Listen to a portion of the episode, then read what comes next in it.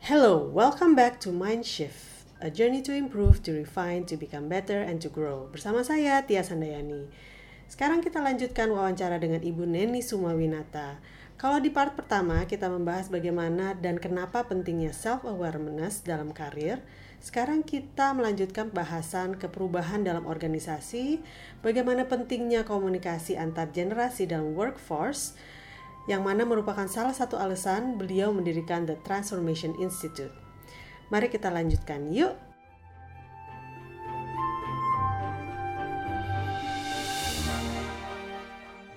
When it comes into wah kayak air bah yang negatif gitu, yang doesn't make sense.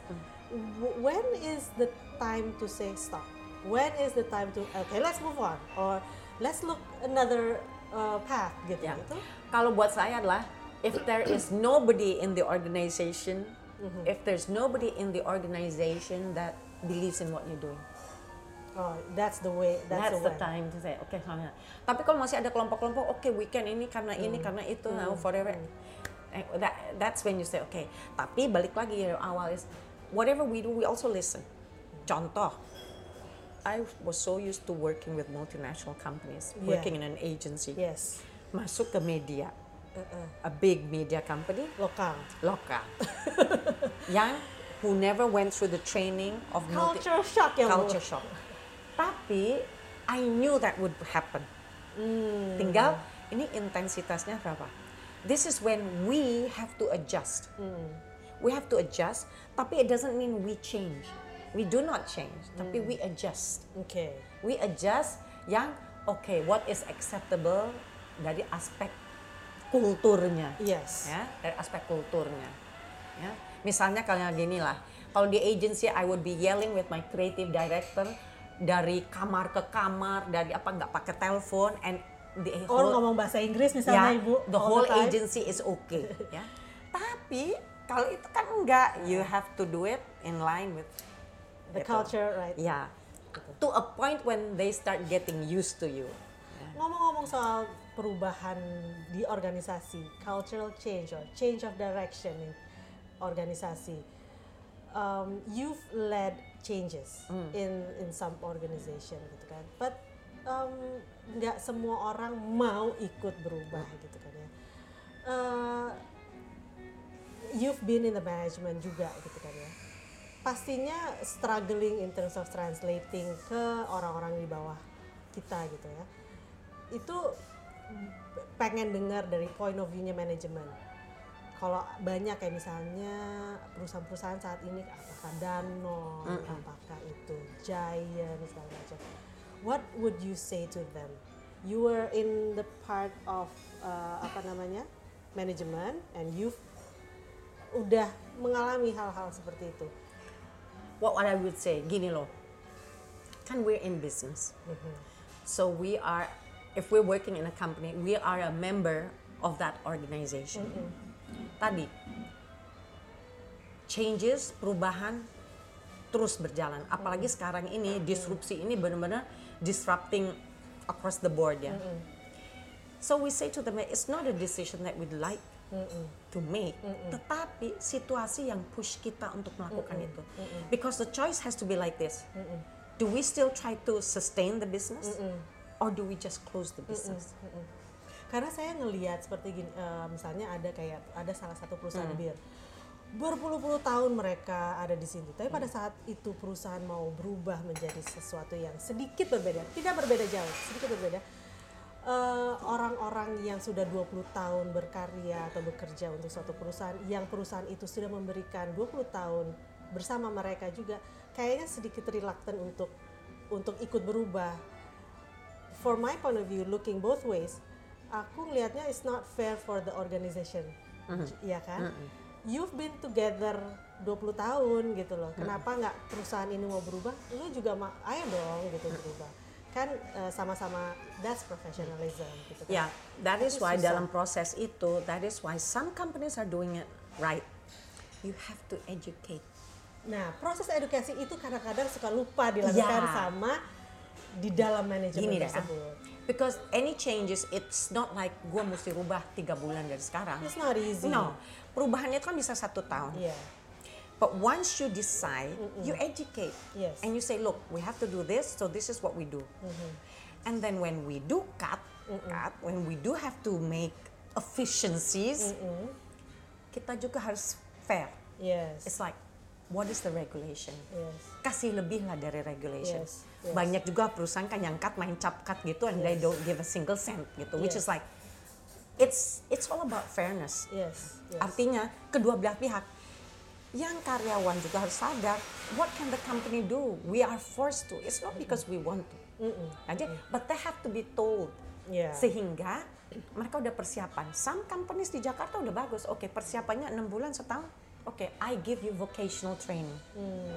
ya, sehingga once you ini you have to start thinking jadi entrepreneur, kerja lagi.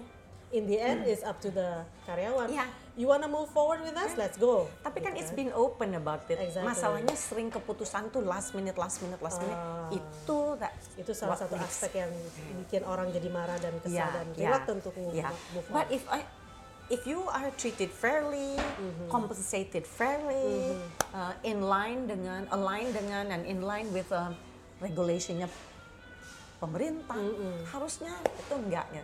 And I've been I've been fortunate because I've had to uh, dismiss gitu organization for because of all these changes. Uh, several organizations lah. But the thing is you have to include them in the discussion. Gitu. So so then they nggak ada ill feeling, nggak ada, ada suspicion ya. Because rasanya kalau kita terbuka juga they will understand. If you were in my shoes, what would you do coba kalau keadaan seperti ini? Kalau itu kan dalam keadaan organisasi ya, Bu. I was wondering, lagi ngobrol gitu, I was wondering, have you had to fire someone gitu in in Yes, I've had uh, several people. really? Ya, yang tidak, yang di- tidak. Gini loh, ujungnya kan gini. If you decide to work for an organization, saya pun siapa pun, yang you have to abide by the rules Yes. of the organization. Atau tujuan daripada Tujuan dan ketentuan. If you violate, no matter how close you are, and it's happened to me, I will cut off. Kalau violate-nya lebih ke profesionalism, misalnya Ya. ke skill set, knowledge, Ya, apa segala ya, macam. ya. Oke. Kalau misalnya, apalagi kalau misalnya itu about bully atau Oh, kalau apalagi kalau gitu, sexual God. harassment gitu segala Uh, macam. Thank God, touch wood, I've never had a situasi yang bullying ya. Karena apa? Because I'm so open, the minute anything like that surfaces, I, I- misalnya antara supervisor, sama like that, then it's something always to discuss, okay? Bring everybody to the table. Let's discuss this. I don't like procrastinating. Ah, ntar aja deh gua pojokin dulu, kepojokin dulu. Dipojokin, dipojokin itu numpuk, and that creates a greater problem. Yes. yes. So waktu pertama muncul, deal with it as fast as possible. Yes. Because in general, people itu don't like dealing with people issues. Mm-hmm, Tapi kita nggak boleh. We have to do. Contoh, if someone is not performing well, mm-hmm. dulu perusahaan-perusahaan Indonesia, contohnya, yaudah kita hire somebody new, orang itu digeser. Mm. Tapi di kita punya payroll tetap orang jadi nambah headcount. Iya. Padahal kita harus efisiensi. Iya. For me, I'd rather be open to the person. Say, I give you one month, two months, three Mm-hmm. months. Mm-hmm. Kan by law, mm-hmm. three warnings, and yeah. And then you have to leave. and that's why even when I was in the agency, I was always open. Mm. Satu, dua, tiga kali. Mm. And my, the, my my last question to that person, if you were me, what would you do now? Yes. You ask them that. Hmm, If you mm. were me, what would you do now? Okay. And what was their response? Oh, ya mesti leave. okay, if you may, ya. Pada saat itu orang-orangnya Tapi at least ya? discussionnya udah ada and Ah, in And writing. there's stages juga kali ya Bu ya. Gitu and kan. in writing so they know why why jadi Oke. nggak ada resentment kan sometimes we hear ih ini keluar kenapa ya gue dikeluarin Iya, kok nggak iya, jelas sih iya. ngeluarin gue tahu Iya, tahu gue terima iya. surat lah Iya. Yeah, things like- so we have to balik lagi openness tuh begitu ya open management is discussing things with whoever anggota itu siap whatever position whoever he or she is gitu Yang penting jelas, Harus ada jelas. stagesnya gitu ya. Oke, next Ibu. I've always seen you as a orang yang kuat gitu, a strong woman gitu ya. And it, it's not easy kerja sebagai perempuan bagi banyak orang gitu. Mungkin Ibu gak ngerasa kali ya. ibu nggak ngerasa cuman uh, apa namanya that's what I love about you gitu. You have so strong convictions gitu ya. Jadi nggak nggak dan sangat kuat gitu. Tapi mungkin bagi orang-orang lain atau perempuan-perempuan lain being a strong leader uh, in a strong firm in a strong uh, apa namanya in, industri gitu it's it's it's a challenge gitu. What's your tips? My tips tuh gini loh. For any woman di negara mana pun, you always have to work harder than the men. really Iya ya, okay. which means apa? Really do your homework, really know your stuff. Sehingga kalau kita di situasi yang yang uh, diperlukan untuk berargue, then you know you're just on equal standing, or sometimes you know better ya. And the other thing is, people tend to forget is learn to communicate better. That's one thing that people forget di era sekarang aja one of the reason engagement sering tidak terjadi because people don't know how to communicate. The older generation doesn't know how to communicate with millennials. Iya. millennials don't know how to communicate with the older Iya. generation. Iya. padahal sebetulnya kuncinya di mana? Di komunikasi. Iya iya. Ya. Yes things are shifting. Harusnya gimana bu kalau harusnya komunikasi? gini. Contoh. In today's world mentoring is not just mentoring. It's reverse mentoring. Karena apa yang tua you have the experience. So you have you can identify patterns pola trends. Yang muda masih belum karena belum cukup pengalaman. Tapi yang muda berpikir lebih cepat. Yang muda ngerti teknologi sehingga bisa mempercepat proses. Go midway, you learn from one another. The older people in about technology and all this, you know, all this whole social media, yeah, because it's not just a matter of I go the upload, I've done social media. Hello, it's more than that. What's the concept gitu ya? Nah, nah ini yang harus di share because an organization kalau terdiri dari beberapa generation should be a rich organization as Should be. opposed to oh dia nggak ngerti gini-gini nanti si ini oh bis dia gini nggak memberikan saya kesempatan it's because you're not talking bahasa yang sama. Sama. Atau saling terbuka? Saling terbuka. Saling mau bertanya saling mau berkoneksi satu sama lain gitu ya, ya. mungkin yang muda sekarang berani banyak bertanya.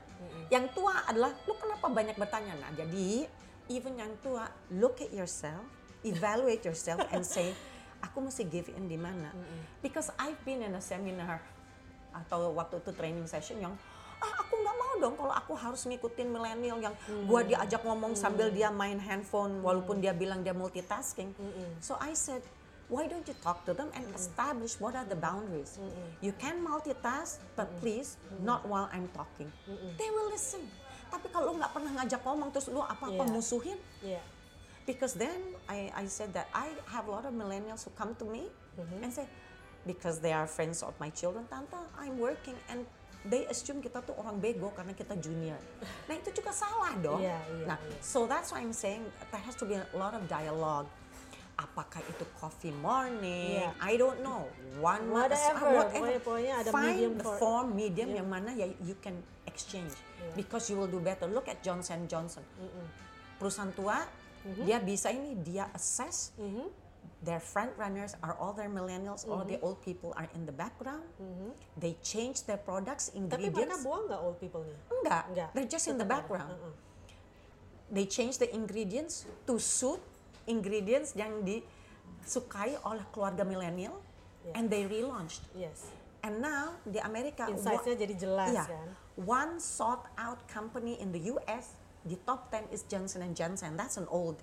Okay. Iya. Jadi I'm not saying it doesn't, you know, of course young people want to be in startups, one people want to do digital media. Yeah. But that's because the old are not changing. But if you start changing mm-hmm. and open up sesuai dengan mm-hmm. environment, it, it mm-hmm. will work gitu. evolve It will evolve gitu. Yes. Because you will need these people. You will need them. Nah, kalau kita sekarang nggak terbuka, then that means you might not be able to hire the people that you want. Ya. Nah, and for me, touch wood at this age, ternyata oh, 65 gitu ya. And yet I can still hang out and interact with the millennials. yes yes because Yeah. of your openness and my willing to openness and then I learn from them. They Yeah. can tell me things and I give Yeah. them my Yeah. experience and knowledge and see and whether they vice versa yeah, vice Uh-uh. versa and if, whether it fits into their form. And if it doesn't fit, kitanya jangan upset karena gue lebih senior, gue Iya. lebih tua. Iya, ego. Ego. Ego itu salah satu yang mungkin I've uh, Pak Dilip kalau nggak salah ngomong. Yes, if you can manage your ego, you can have a long lasting career. Let's talk about ego, Ibu.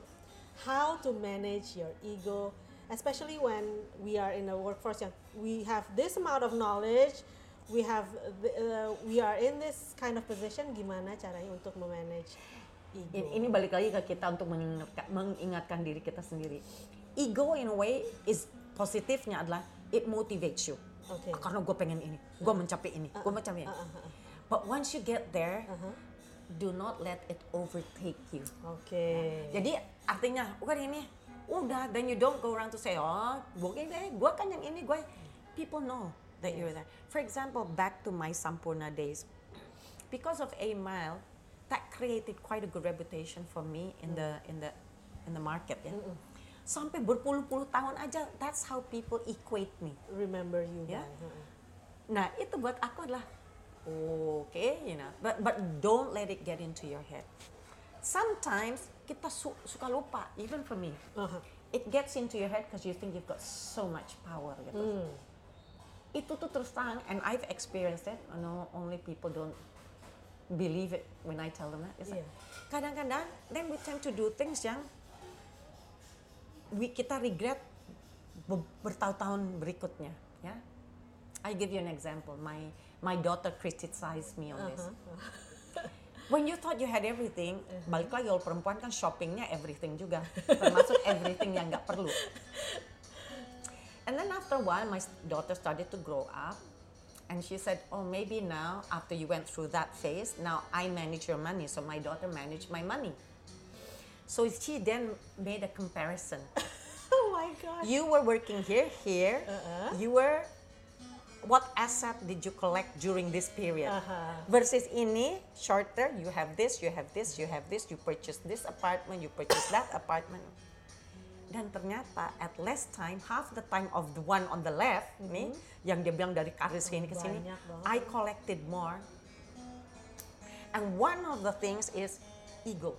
Ego yang karena you think you've achieved it and you go out to do stupid things. Nah, gitu. Tapi bagi kita, it's a learning curve. Jadi kita tahu, oh I've been there, I don't want to go back there again. So I have to be lebih cautious. maybe life will hit you and then you can uh, manage your ego seperti itu ya Iya, karena semua juga kan pengalaman. Iya. Kan life is a journey. yes Ya. yes So nggak mungkin lah nggak ada orang yang nggak make mistakes.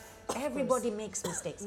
Tapi yang penting lah, what did you learn from those mistakes tadi? Yes. Sehingga supaya nanti muncul suksesnya, because you learn from your mistakes. jadi ego pasti ada Pasti ada. tapi asal bisa di manage dengan baik Di manage gitu baik. kan ya. Once you get there, gitu, don't let it overtake you sampai kita suka lupa diri. Oke. Jadi self self awareness lagi ya Bu ya. Iya, self awareness iya. lagi kembali ke integritas diri kita, value kita lagi Iya. gitu kan ya.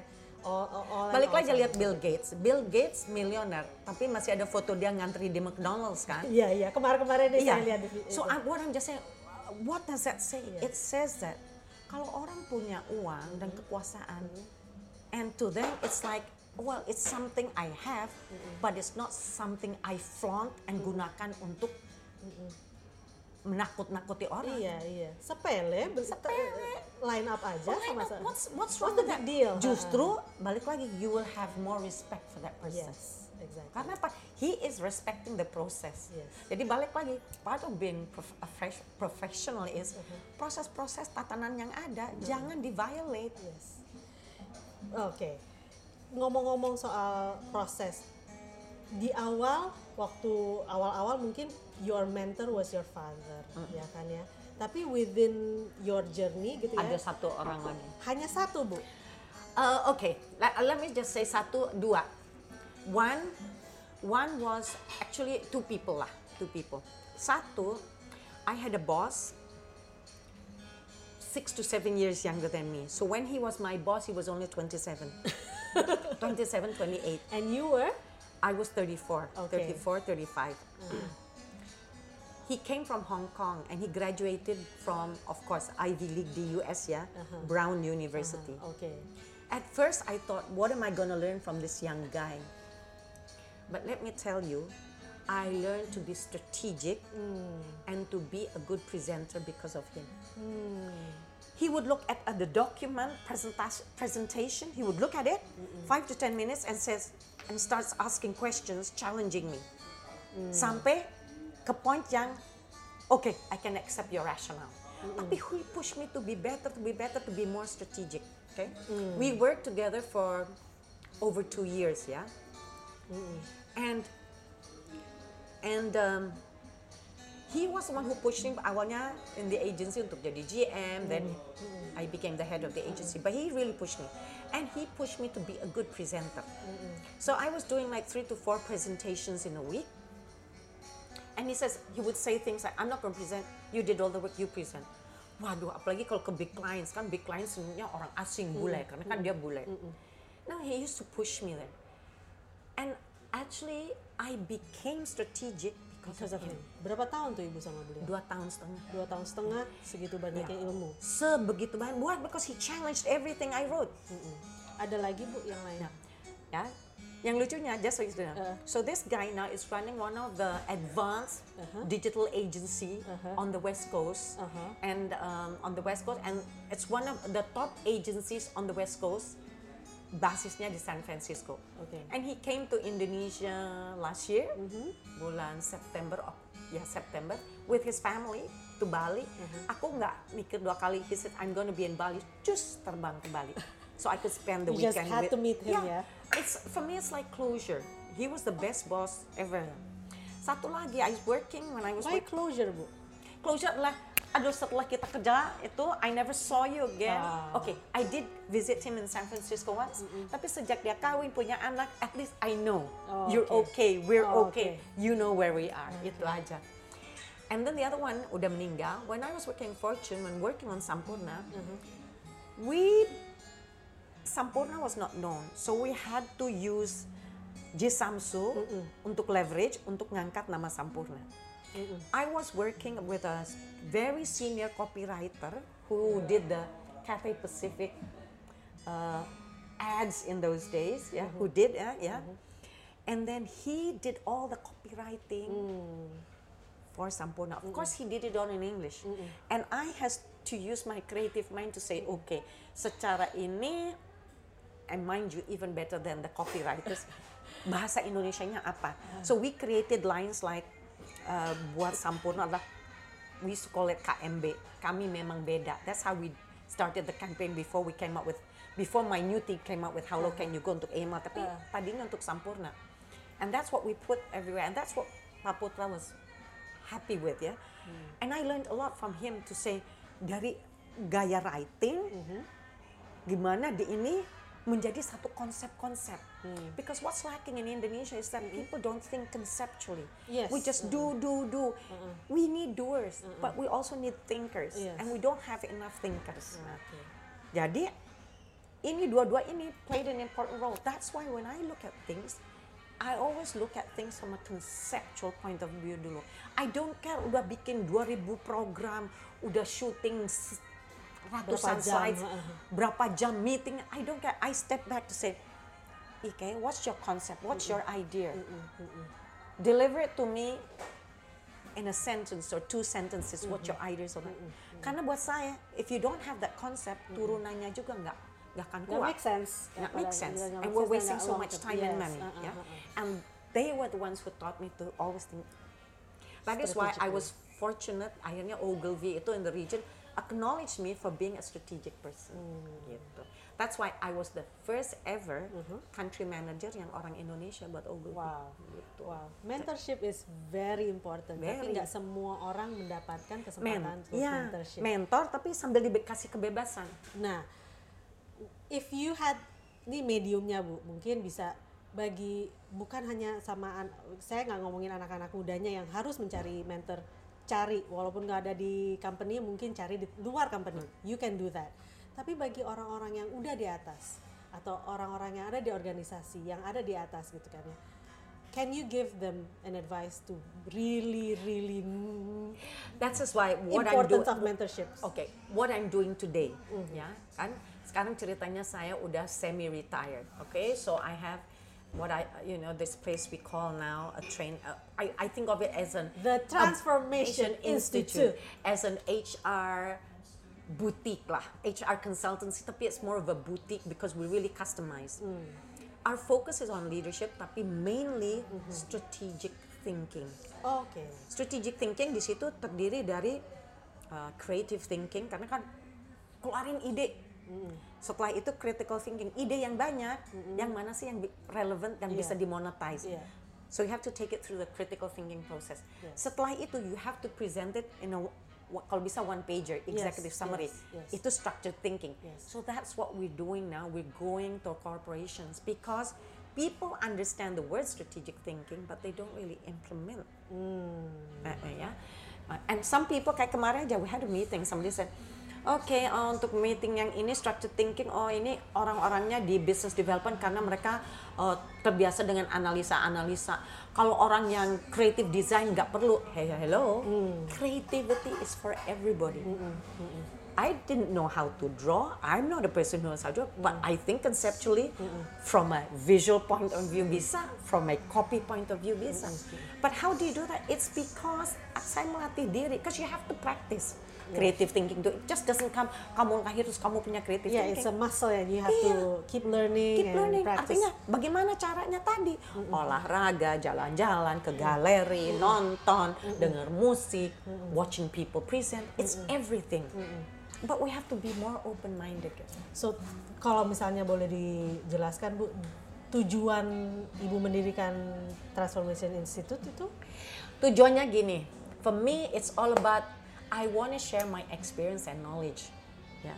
Uh, apalagi dengan udah ngeluarin dua buku ya, Fusion Leadership sama Bentangkan Sayap, it's like I go to schools talking about it. Why? Because young Indonesians have the potential of being great leaders. Tapi kan yang tua yang harus ngarahin.